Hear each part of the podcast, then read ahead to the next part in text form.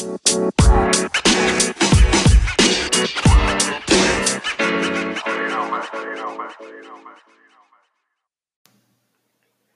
and welcome back to Sekedar Komentar Podcast. Um, so well, thank you again for listening to the podcast. Uh, I really appreciate you guys. You know, spending times with me, even though it could be weird sometimes, and my annoying Chadel voice. Um, if you do like listening to podcasts and you've never heard uh, about podcast before you come up to me, then I'm sorry for you. You haven't found the better podcast. But I mean, uh, coba aja dengerin podcast-podcast lain yang jauh lebih professionally done dan jauh lebih oke. Okay, karena it, truly it's very inspiring. If you like football, check Football Weekly. Kalau lo tertarik sama hal yang uh, you know general knowledge, check uh, Stuff You Should Know. It's a really good podcast. And there's Science Versus, which is a very scientific podcast. And if you're into astrophysics and stuff, then listen to Neil deGrasse Tyson podcast. Uh, so this is my fourth episode, and just a quick update. I should have tried to put ads on the first three podcasts. Uh, it was weird recording an ad because you know I'm not a I'm not a dubber or anything. So I apologize if you uh, got that ad and feel weird. I don't think I'm gonna put it uh, again just yet because I mean not many people are listening at this point, and you know might as well just grow the audience first than just getting money from it. And I'm not really doing this podcast to do to get money in the first place. So yeah. Anyway, um, I thought for this episode I'm gonna start up with a topik tentang Jan Etes yang somehow lagi bikin heboh karena katanya di apa di ditarik-tarik ke politik sama Jokowi dan kubunya. So apparently this polemic quote unquote started ketika ada which is like a big blunder uh, ketua tim Cakra 19 which is salah satu relawan pendukungnya Jokowi sort of brag uh, di when he gave a speech pembekalan sama relawan Jokowi Maruf Amin di Jakarta uh, tanggal 25 Januari kemarin apparently he said that quote kami bisa main serius dengan data-data, tapi kami juga bisa memvialkan Jan Etes. Uh, end of quote. I don't know what what he's trying to say with that. I mean, in terms of strategy in itself, it's a shit strategy. Like you, you're sort of like, kayak, I don't know, like, it's like it. it I don't know where's a good metaphor for it. Like it's just really instead of saying that kita bisa ngegolin lawan lo tapi mendingan gue bunuh diri you know like it's almost saying that it doesn't make sense I don't it's not bukan perumpamaan yang oke okay sih cuman you know it's weird thing to say as you know tim relawan yang supposedly help him and now he brought up this whole polemic then of course kubunya Prabowo akan mm, langsung menyerbu this I don't know, supposed problem like an angry and hungry hyena seeing a dead carcass in front of him. You know, like of course they're gonna pounce on it. Uh, which salah satunya dari Hidayat Nur Wahid dari PKS. Dia kemudian mempertanyakan kenapa Jan Etes dibawa-bawa. Uh, I think he's I think he was, he was tweeting ini uh, quote ini Jan Etes yang pernah sebut Ed Jokowi kakeknya sebagai artis ya. Tapi bagaimana kalau ini jadi legitimasi pelibatan anak-anak dalam kampanye? Bagaimana Ed Bawaslu underscore RI masih bisa berlaku adilkah? So of course dari bahasa politiknya udah kelihatan bahwa Bawaslu dituduh tidak berpihak kalau berpihak kepada satu pihak karena yang netes didiamin aja.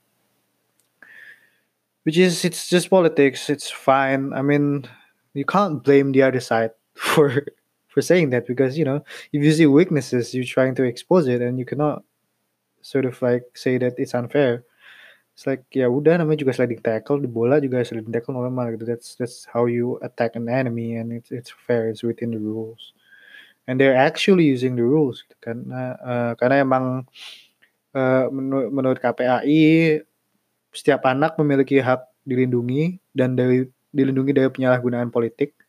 Apparently dia, dia tuh di bawah Undang-Undang Nomor 35 Tahun 2014 tentang Perlindungan Anak. Uh, ini pernyataan dari orang KPAI-nya, Pak Jasra, Jasra, J-A-S-R-A.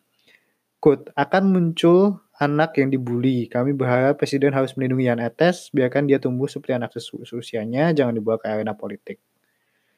And apparently it's a thing, uh, kasus uh, apa namanya pelibatan anak di politik KPAI mencatat tahun 2014 ada 270 anak yang dilibatkan di kampanye parpol. Pada pilkada tahun lalu tercatat 35 anak anak dilibatkan uh, kampanye. Uh, gue gue nggak tahu mereka uh, cara ngebuktinya gimana, cara apa apa ya parameternya kalau di pelibatan itu kayak dilibatkan itu gimana, nggak dilibatkan itu gimana tuh gue nggak tahu. Cuman it seems like a good rule to have. It seems like a fair rule to have karena emang ya anak kecil bisa ngasih poin simpati lumayan oke okay terhadap kandidat siapa pun gitu. Dan to be fair, emang emang peraturannya ada gitu. Mau peraturan itu adil apa nggak adil, kayak gue pernah sebut di podcast sebelumnya, Socrates pernah bilang, ya namanya hukum, perkara dia benar apa enggak, negara demokrasi harus ngikutin gitu. That's the that's the whole essence about democracy is that you you always follow the rules. And if that's the rules then that's fair, you know. Tapi gue juga paham dari sisi Jokowi dan mungkin pendukung-pendukungnya merasa apaan sih ini ini kasus ecek-ecek nggak nggak penting banget ngomongin netes kayak ya udah namanya juga kakek gitu kakek mau spend time dengan anak-anak dan to fair emang di negara-negara lain juga gue bisa banyak kayak uh, walaupun mungkin gak diajak gak ke mana-mana, maksudnya gak diajakin waktu kampanye atau apa. Dan Jokowi mengal apa mengklaim bahwa dia tidak mengajak nggak pernah ngajak Janetes kampanye gitu. Emang emang dasarnya Jokowi ke mana-mana diikutin kamera aja. Jadi dia kalau ke mall sama cucunya juga ya ya pasti pasti kayak expose gitu dan pas di di masa kampanye orang juga akan mikir wah ini anak uh, uh, ini ini anak diajakin sama kakeknya buat uh, cari cari muka doang nih karena karena lagi masa kampanye tapi kayak sebelumnya juga sebelum dia sebelum dia apa namanya uh, masa kampanye juga udah sering kok. Dan emang udah sering di udah sering diekspos juga kayak waktu nikahannya si uh, kok gue lupa ya nama anaknya Jokowi? Kahyang waktu nikahannya Kahyang juga pada heboh gitu kan sama penampilannya Jan Etes lah inilah itulah. Dan emang Jokowi baru punya cucu ketika dia udah jadi presiden gitu ya, ya, ya emang ya susah juga memposisikan diri kan. Dan kayak you I've seen Obama with her kids. I've seen other presidents and around the country carrying their their grandchildren, their their kids, and it's fine. Dan selalu konteksnya dalam kehidupan pribadi atau mungkin waktu mereka lagi di like victory speech and stuff like that. Dan selalu nggak masalah dan gue ngerasa sih emang Jokowi nggak nggak terus intentionally bawa ini ke kampanye cuman then again rules are the rules gitu. Cuman to to be honest yang bikin gue sedih bukan bukan cuman masalah yang etes ikut kampanye atau apa itu kayak I couldn't care less. But the fact that at this stage uh, dua bulan sebelum ya kan? Februari Maret ya dua bulan sebelum actual pemilu gitu. Topiknya yang diomongin jangan etes bukan bukan policy gitu kayak. Dan I think this is the the theme with this with with Indonesian election lately is that we don't even fucking care about policy anymore. We don't even fucking care about program-programnya Jokowi apa program-program Prabowo apa. Udah udah yang di di dibutin tuh ya masalah-masalah emeh-temeh gitu. Kayak ya, tahu sih programnya uh, Prabowo tuh katanya pem, apa ekonomi yang lebih baik lah atau untuk usaha UKM yang lebih baik, nggak ngutang, inilah itulah dan Jokowi juga infrastrukturnya kembali digenjot dan lain-lain. Cuman kan banyak masalah-masalah yang sebenarnya masih ter, terbengkalai gitu. Misalnya masalah uh, pluralisme yang nggak selesai-selesai, masalah eduka edukasi yang nggak selesai-selesai, kurikulum nggak jelas, Kayak kemarin eh, tadi adik gue baru cerita kayak dia ada UAN sama UAS tanggalnya masih belum jelas. Hal-hal kayak gitu yang hal-hal basic buat any society lah. Any small society or any big society. Kayak healthcare juga nggak jelas walaupun BPJS lately bagus ya. Dan semakin berkembang which is applaudable. Cuman kan uh, masalah musyawarah kok musyawarah sih? Apa sih istilahnya? Di, kurang orang-orang tuh kurang paham gitu. Fungsi BPJS kita ada kerjaan BPJS kesehatan gitu. Yang ada mereka ngeluh duitnya diambil. Kayak hal-hal kayak gitu kan juga butuh edukasi butuh penjelasan lah. Kayaknya orang-orang kayak masih kurang paham tentang itu. Is salah satu PR Jokowi juga. Belum pajak belum masalah ketergantungan terhadap subsidi. Kayak banyak lah di luar infrastruktur yang masih bisa dibahas. Atau Papua Papua tuh masalah yang gede banget bisa. Cuman kayak ya of course kita ngomonginnya tentang Yan Etes. Which is yeah, I guess that's it. Like again gue kemarin sempat ngobrol sama teman gue juga sedih ya ngeliat Indonesia ngomongnya kayak gini. Cuman ya gimana lagi kita masih muda gitu kan. Hitungannya juga masih berapa sih 45 tuh 70 sekian tahun 70 berapa 4 74 tahun Indonesia. I think so. Is it? My math is shit. Ya yeah, ya yeah, 74 tahun. Masih muda banget gitu untuk bukan negara demokrasi. Cuman ya we have to start somewhere. And I feel like we haven't start anywhere since the last eight five to eight years and it kind of make me sad but you know what, what can you do? Kayak gue gue gue tiga setengah tahun kerja di TV berita dan gue tahu gimana jatuh bangunnya uh, rating dan share gimana jatuh bangunnya kerja di event di cable news yang harusnya lebih stabil juga kita juga tetap dituntut untuk lebih appealing dari penonton gitu. Dan at this point penonton kita lebih tertarik sama hal-hal seperti Jan Etes, hal-hal seperti pernikahannya Kahiyang ketimbang uh, krisis di Venezuela atau misalnya krisis di Papua. Krisis di Papua bukan hal yang kayak I can guarantee you if I put that news, well I shouldn't guarantee anything, but like I'm pretty sure that if I put that news, if there's a war in Papua happening, kayak there's a chance that program gue yang waktu itu uh, free to air which is tayang di Trans TV dan lain-lainnya. Maybe I shouldn't say the TV name, but yeah, okay. And I'm not working there anymore. So yeah, uh, program gue nggak akan tetap nayangin hal-hal yang nggak nggak nggak ada hubungannya sama berita gitu. Given apa, granted dan program gue memang bukan program berita, film berita sih. Cuman kayak you know, that's the state, kayak even if we put the news there, people are not gonna watch anyway and we even if kayak kita ended up taking editorial stance gitu kayak oke okay, kita bakal ngomongin tentang Papua gitu kan ada lagi ada perang di sana atau lagi ada uh, pemberontakan atau apa orang-orang juga nggak peduli gitu. kayak orang-orang nggak akan nonton juga dan that's the that's the sad part.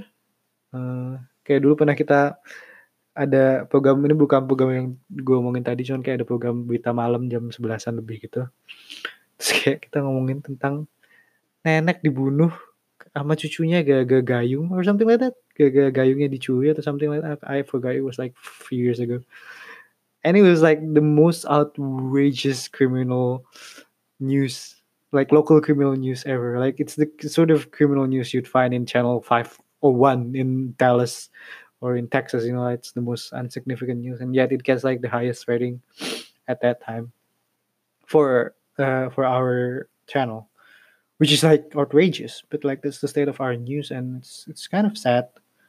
But yeah sering nyalahin media karena uh, karena apa namanya karena nyuapin penontonnya hal-hal yang nggak bermutu gitu. Dan even sebelum gue kerja di di di news gue juga udah gue udah be, apa ya mempunyai posisi di mana tanggung jawab uh, tentang apa yang diomongin di public sphere apa yang diomongin di, di, di muka publik tentang berita itu bukan tidak hanya di tangan para jurnalis dan uh, broadcast special broadcast worker gitu broadcast professionals.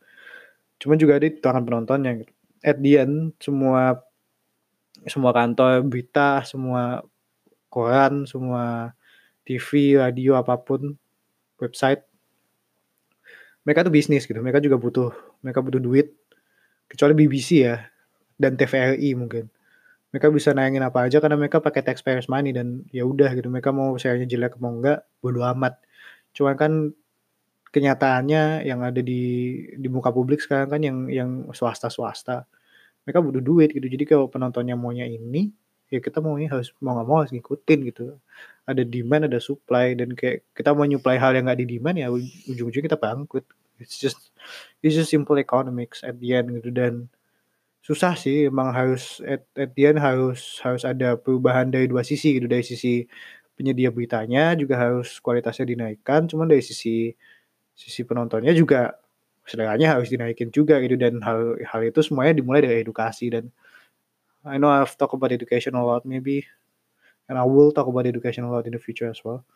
Like I feel like that's the only chance for Indonesia to to prosper in the future is that we invest a lot in education. Karena sekarang ya udah infrastrukturnya oke cuman kayak kalau misalnya edukasi dari penonton dari audiens yang nggak oke okay, uh, warga-warga yang masih kemakan sama hal nggak penting kayak kasus Jan Etes lah atau Fadlizon ngomongin tentang uh, medianya harus imbang apa enggak lah.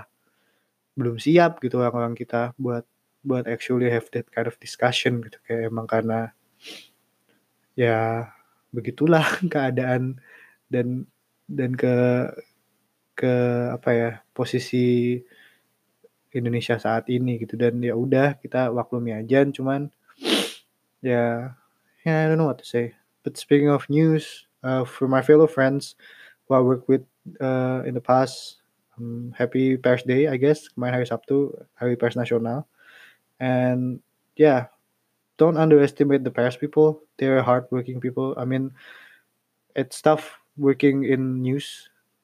It's tough uh, trying to produce something that people want to know. And also that's also informational.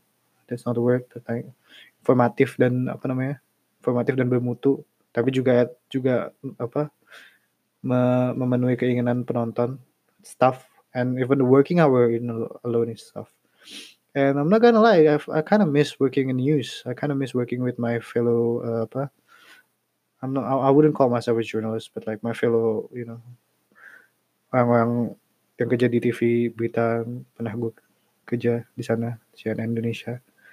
Uh, miss you guys if you're listening, and I feel like it, this is why I do the podcast, so I can still uh, kind of follow the news along and talk with you.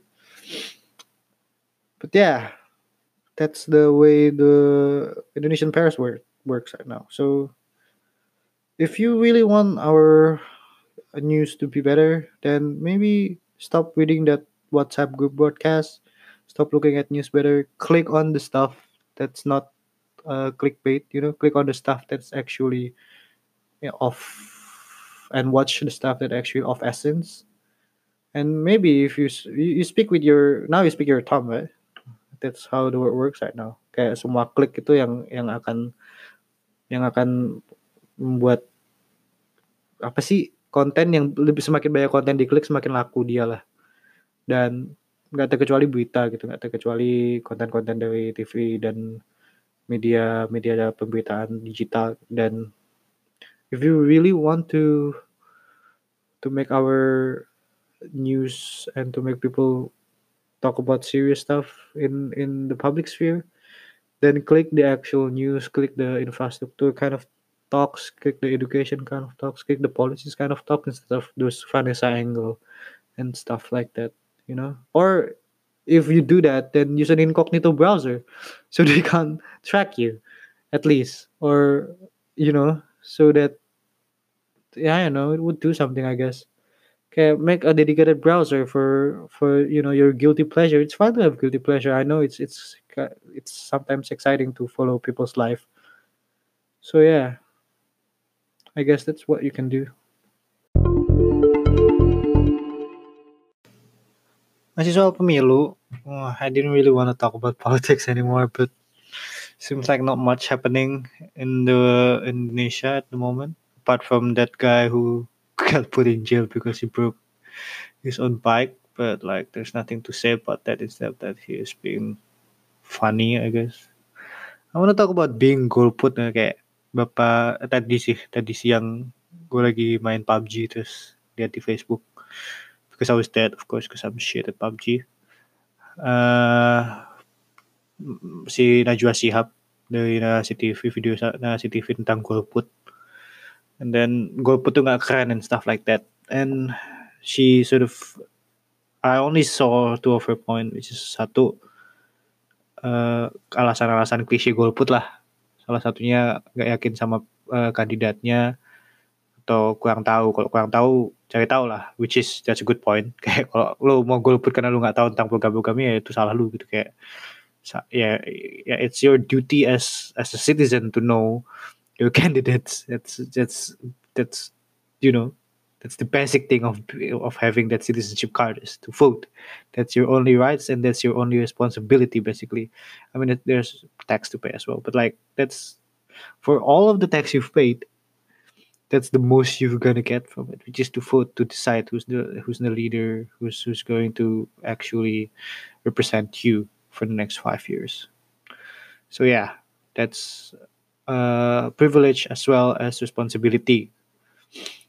Cuman uh, jujur uh, dan gue nggak nge-encourage siapa pun untuk golput cuman pada pemilu lalu gue golput gue milih di pemilu legislatif cuman gue nggak milih di pemilu presiden. Karena ketika itu gue masih nggak begitu yakin sama Jokowi. Ketika itu dia masih dari Jakarta terus tiba-tiba nyapres terus kayak sebelumnya dia ngomong oh saya nggak mau ninggalin Jakarta saya nggak mau ninggalin Jakarta tapi akhirnya nyapres juga.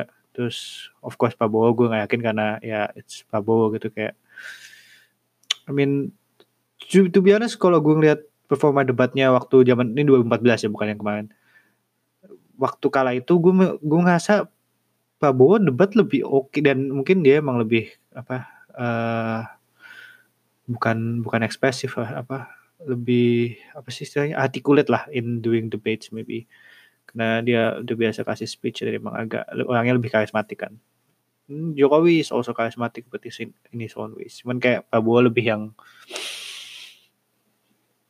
man I'm not trying to say something that's kayak gue bilang Prabowo manly bukan berarti Jokowi nggak manly juga cuman kayak Prabowo lebih ada pembawaannya lah. I was making gestures so you, you can't see my gestures but like where the, the small pause there was me making gestures. But yeah uh, gue gak yakin waktu gue gak yakin sama Prabowo tapi ketika debat gue jadi gak yakin sama Jokowi terus gue bingung terus kayak when the the time come I just decided not to come. And I was ashamed I'm ashamed of not choosing of not voting because that's as I said that's the only duty and that's what the only thing that that that's expected from me as a citizen gitu. Di negara demokrasi dan gue ngomong tentang demokrasi muter-muter dari, dari kemarin dari beberapa episode yang lalu even kayak selama sekian bulan apa udah lama lah pokoknya gue komplain tentang demokrasi inilah itulah ke ke semua orang di deket gue cuman kayak at the end I didn't do the basic thing that a, a civilian a, a citizen in a democratic society should do so I'm very ashamed of myself that being said it's not as simple as that you know kayak lo uh, it's hard to decide between two things that you're not uh, sure about. And I'm not saying that you should do it. I mean, you should do your utmost to make up your mind before the election. You still have two months. So please make up your mind. But I'm just saying that I understand if you're still torn between the, the, the, the bad and the worse. I'm not saying that Jokowi is bad. I'm not saying Papu is worse. I'm not saying that Papu is bad. I'm not saying that Jokowi is worse. I'm just saying that if you feel that way, it's understandable. And the mistake that I made during the last election is that I I assume that if enough people don't vote, we will get uh, better candidates, which is not the way the world works. if enough people don't vote, then the guy with the most votes still gonna win anyway. And kayak nggak mungkin juga 50% warga Indonesia golput kan. Dan yeah and i'm just being immature and irresponsible and i understand that and i regret that but to be honest with you i have nothing against jokowi. I have a lot that i don't agree with with Prabowo. And i still feel like there are a lot of uh, sacrifices that jokowi make in trying to win this second term. And i still feel like there's some bad vibe behind him. Kayak gue ngerasa ada power grab yang gede banget yang uh, I don't know. This is just speculation. This is just kayak cuman perasaan gue doang. Ini nggak ada basis fakta sama sekali. Jadi I'm not claiming that this will happen. I'm not claiming that this is what he's trying to do. I'm just saying that I have this feeling ada asa curiga bahwa kita moving towards a more authoritarian uh, and I, I know it's a very big word to say but like uh, dengan kita uh, apa ya keterpukauan orang-orang Indonesia terhadap Turki dan lain-lainnya gue nggak akan heran ketika kalau misalnya uh, ada movement untuk membuat uh, presiden siapa pun nih nggak nggak usah Jokowi gitu siapa pun yang jadi presiden untuk lebih dari dua periode gitu dengan karena dengan dengan level of uh, apa ya istilahnya fanatisme pendukung-pendukung dari dua pihak nggak cuma dari satu pihak doang. Uh, kayak gue bisa melihat gitu kalau salah satu pihak ini menang terus kayak mereka bilang I'm the best for Indonesia and then they will just stay claiming that and people just because of the separatist politics dan identity politics mereka keep on being a fanatics and then just like not even trying to be level headed and just blatantly support this one guy whoever it is. I'm not saying one or the other whoever it is, I feel like there will be a child, there will be a time where that guy, whoever that is, will say that, you know what, you know I'm the best for this country. Why don't you make me president for another five years and another five years, another five years, and practically that's what happened with Suarto, isn't it? Like he managed to convince the people that he's the best. And even now, people still say that uh, zaman Suarto itu lebih enak which is that's fanatism and that's created by identity politics i feel like and that's the danger there and that's why uh, gue ada reservasi ke kedua pihak gak cuma Jokowi gak cuma Prabowo cuman kayak gue masa ada reservasi situ karena orang-orang fanatik banget nih sekarang. Dan kebetulan aja orang di sekitar gue fanatiknya ke Jokowi gitu dan gak sedikit juga sih orang-orang yang fanatik ke Prabowo juga gitu. and it's fine that's that's politics it's understandable. Um just think of the best. Um, lihat polisinya lihat apa ya kayak kayak gue bilang di segmen satu tadi kayak jangan kemakan sama isu-isu receh lah. Jangan kemakan sama hal nggak penting gitu dalam keputusan kalian. Maybe and try not to try to decide I guess. Try to not not to say golput. It's hard. Uh, maybe it's only for me that it's hard. Cuman kayak I don't know I feel like I cannot decide for this from the previous election and now for this election of what to do because I feel like we deserve uh, orang kayak Habibie gitu ya. Yang emang he's not kayak I don't know I don't know what will he what, what he what, he will do cuman kayak pilihan-pilihan politiknya yang diambil Jokowi bikin gue agak sedikit gak yakin dan pilihan politik yang diambil Prabowo juga bikin gue sangat tidak yakin kayak I don't know. I do not know what to who to vote, and I'm not telling you who to vote. You have every right to vote whoever you want. You have every right to disagree with me as well, but at least agree with me in saying that golput is not the way to go. Um, and yeah, I mean, I have nothing against Najwa juga sih Then I agree with her but like that being said I understand why you want to why if you struggle and why you may struggle with voting but again you can do whatever you want not endorsing golput cuman ya try to be responsible a responsible citizen aja lah I guess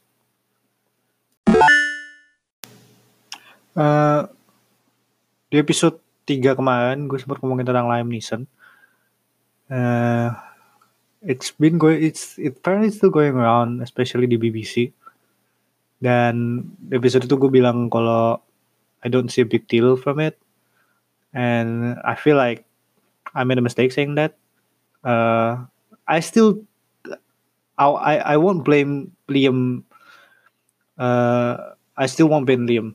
That's that's my stand, and I stand by that but I feel like people making a big deal out of it. Some people are still making a big deal out of it, and it's justified. First of all, uh, as a minority, I've been living as, as a minority for my whole life. I guess I've lived in Melbourne as a minority. I've lived in here as a minority, and I've lived in Indonesia as a minority as well. And I've been very fortunate enough to not be discriminated.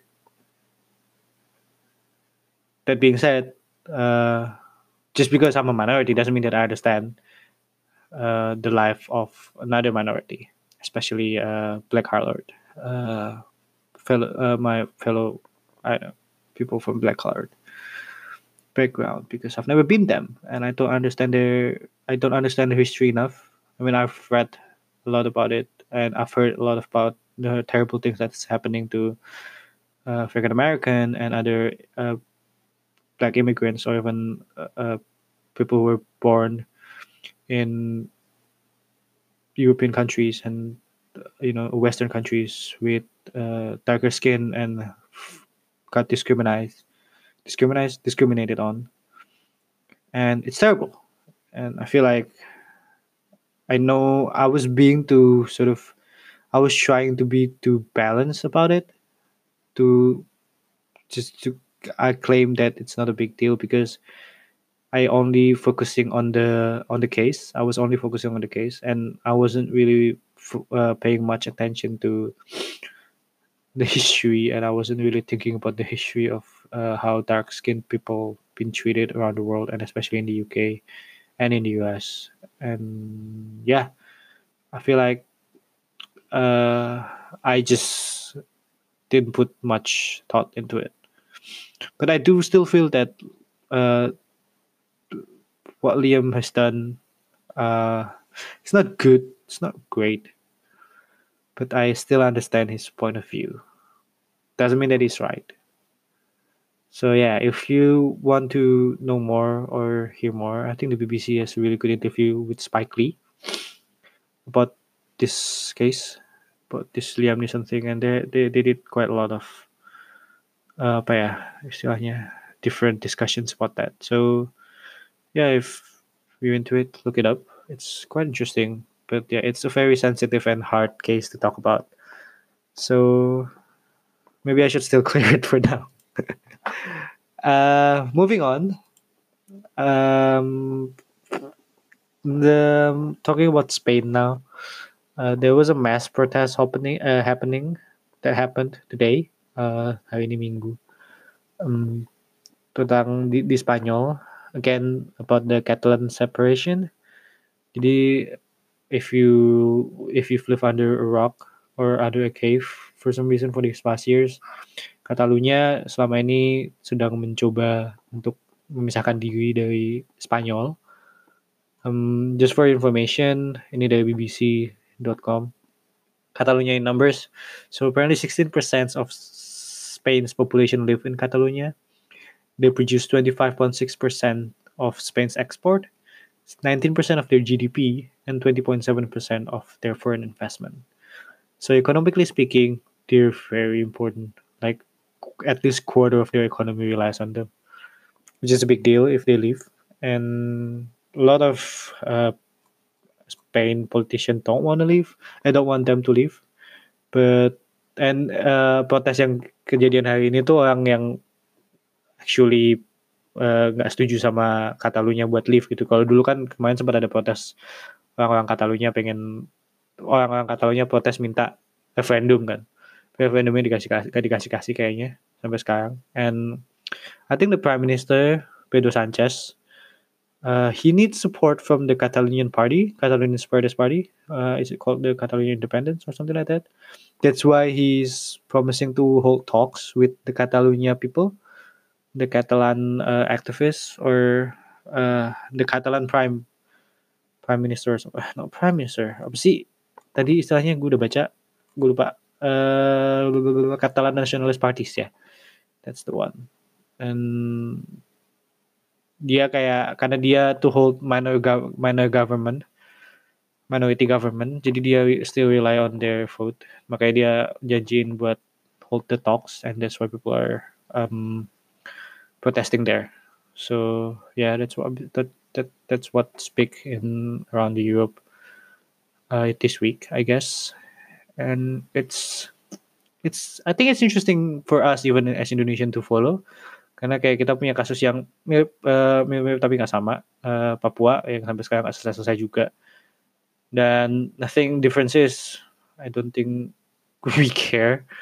I mean kalau gue ngomongin tentang Papua gitu sama teman-teman gue yang ada pasti kita cuman kayak uh, ya orang-orang pengennya Papua stay gitu kan. Tapi kan kita kan nggak lihat dari sisi Papua ya dan selama ini nggak banyak pemberitaan tentang seperti apa sih yang sebenarnya orang-orang Papua mau gitu.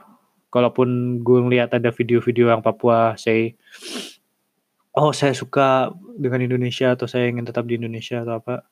Kebanyakan video propaganda yang dibikin sama pendukungnya A atau pendukungnya B yang kayak itu kan apa orang Papua maunya gini kalau misalnya dipimpin sama ini atau gimana.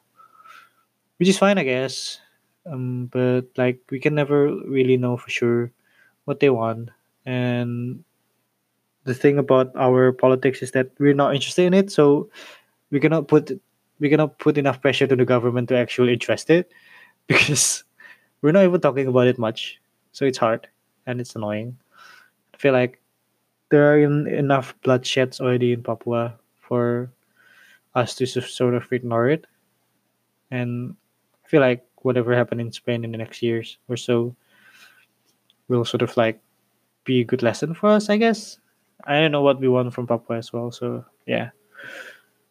Uh, on other news, on more lighter news, uh, so uh, Finland, Finlandia beberapa tahun belakangan ini mereka lagi bikin dari dari eh, kayak dari bulan Januari 2017 sampai Desember 2018 mereka sedang bikin kayak some sort of study and experiment with the with homelessness which mereka uh, intinya mereka ngasih minimum wage buat orang-orang yang homeless which is around 560 euros atau sekitar 8,8 juta per bulan. Mereka dapat duit segitu buat hidup mereka dikasih uang itu cuma-cuma tanpa tanpa persyaratan apa pun. As long as they can prove that they're homeless I guess. And yeah uh, supposedly this money that was given to this 8,8 juta which is lebih gede daripada, daripada gaji gue tiga setengah tahun di kantor gue yang lama uh, is to encourage them to find a job uh, dan mendukung jika mereka harus melakukan pekerjaan yang tidak terlalu nyaman. And the verdict from this study is that it doesn't fix anything. no shit. But yeah, apparently, um, if this is a study about uh, people uh, trying uh, the, the Finland trying to make people happier, then yes, it works. Uh, apparently orang-orang lebih happy sama lebih less stress dengan dikasih duit ini orang-orang yang homeless. Which is like, yeah, dude, like who who wouldn't be happy to get free money, especially if you're homeless? Like, you, you would be happy if you get free money, but yeah, um, it costs the government 20 million euro, which is a lot. And it's their unemployment rate is yeah, 8.1%. But like, yeah, at the end, it just doesn't work. But it's not a failure, it's not a success, it's just a study. And that's the that's the whole thing about a study is that it gives you information to learn from, you know?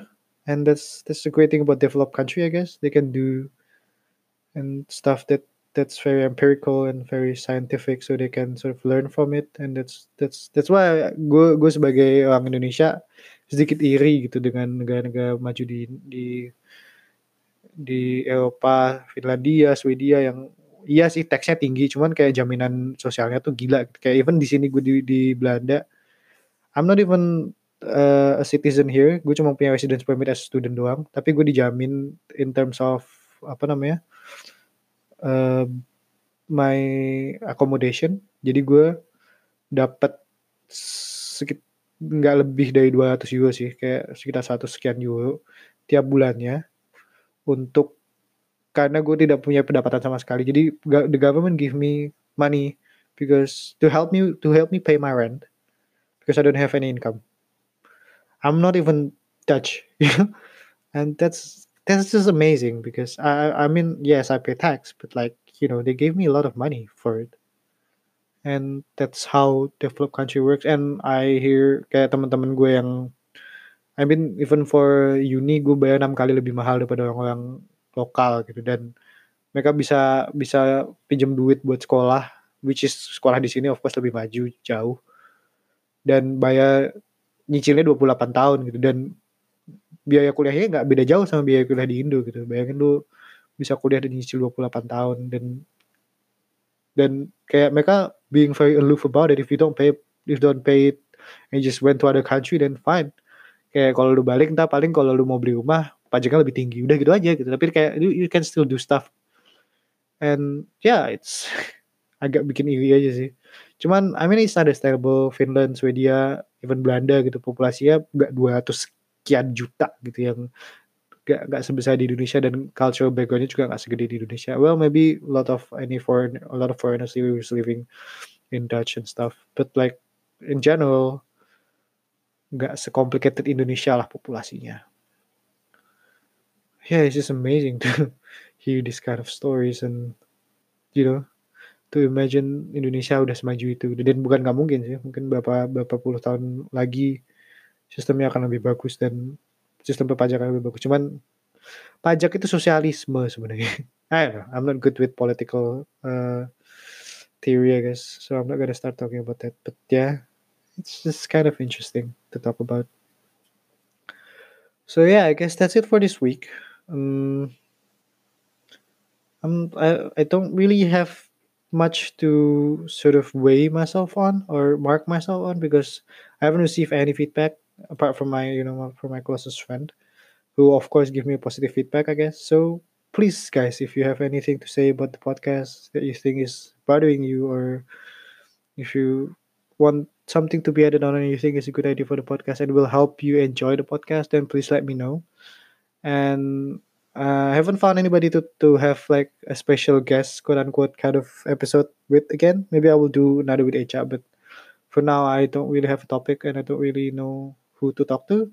So if you have a topic and you want to talk about it with me and you want people to listen to it, then please do let me know. Uh, uh, komen at sekedar komen podcast at gmail.com. That's where you can email me if you don't know me personally. And yeah, I'm also curious if you don't know personally and you just find this podcast by by chance, like lagi lihat Spotify terus tiba-tiba di podcast muncul aja gitu misalnya. What do you think about this random Chadel guy talking about politics as if he knows everything whilst he doesn't really know shit. what do you think about this weird guy on the internet? that would be very interesting for people who doesn't know me because I don't know, I feel like I talk shits a lot. And as if I know stuff, but I don't. I actually just the kind of guy who complains in the middle of a market and doesn't even have anything to say or anything to believe on or anything to, you know, offer to anyone. So yeah, um, thank you again for listening, and I'll see you guys in the next one.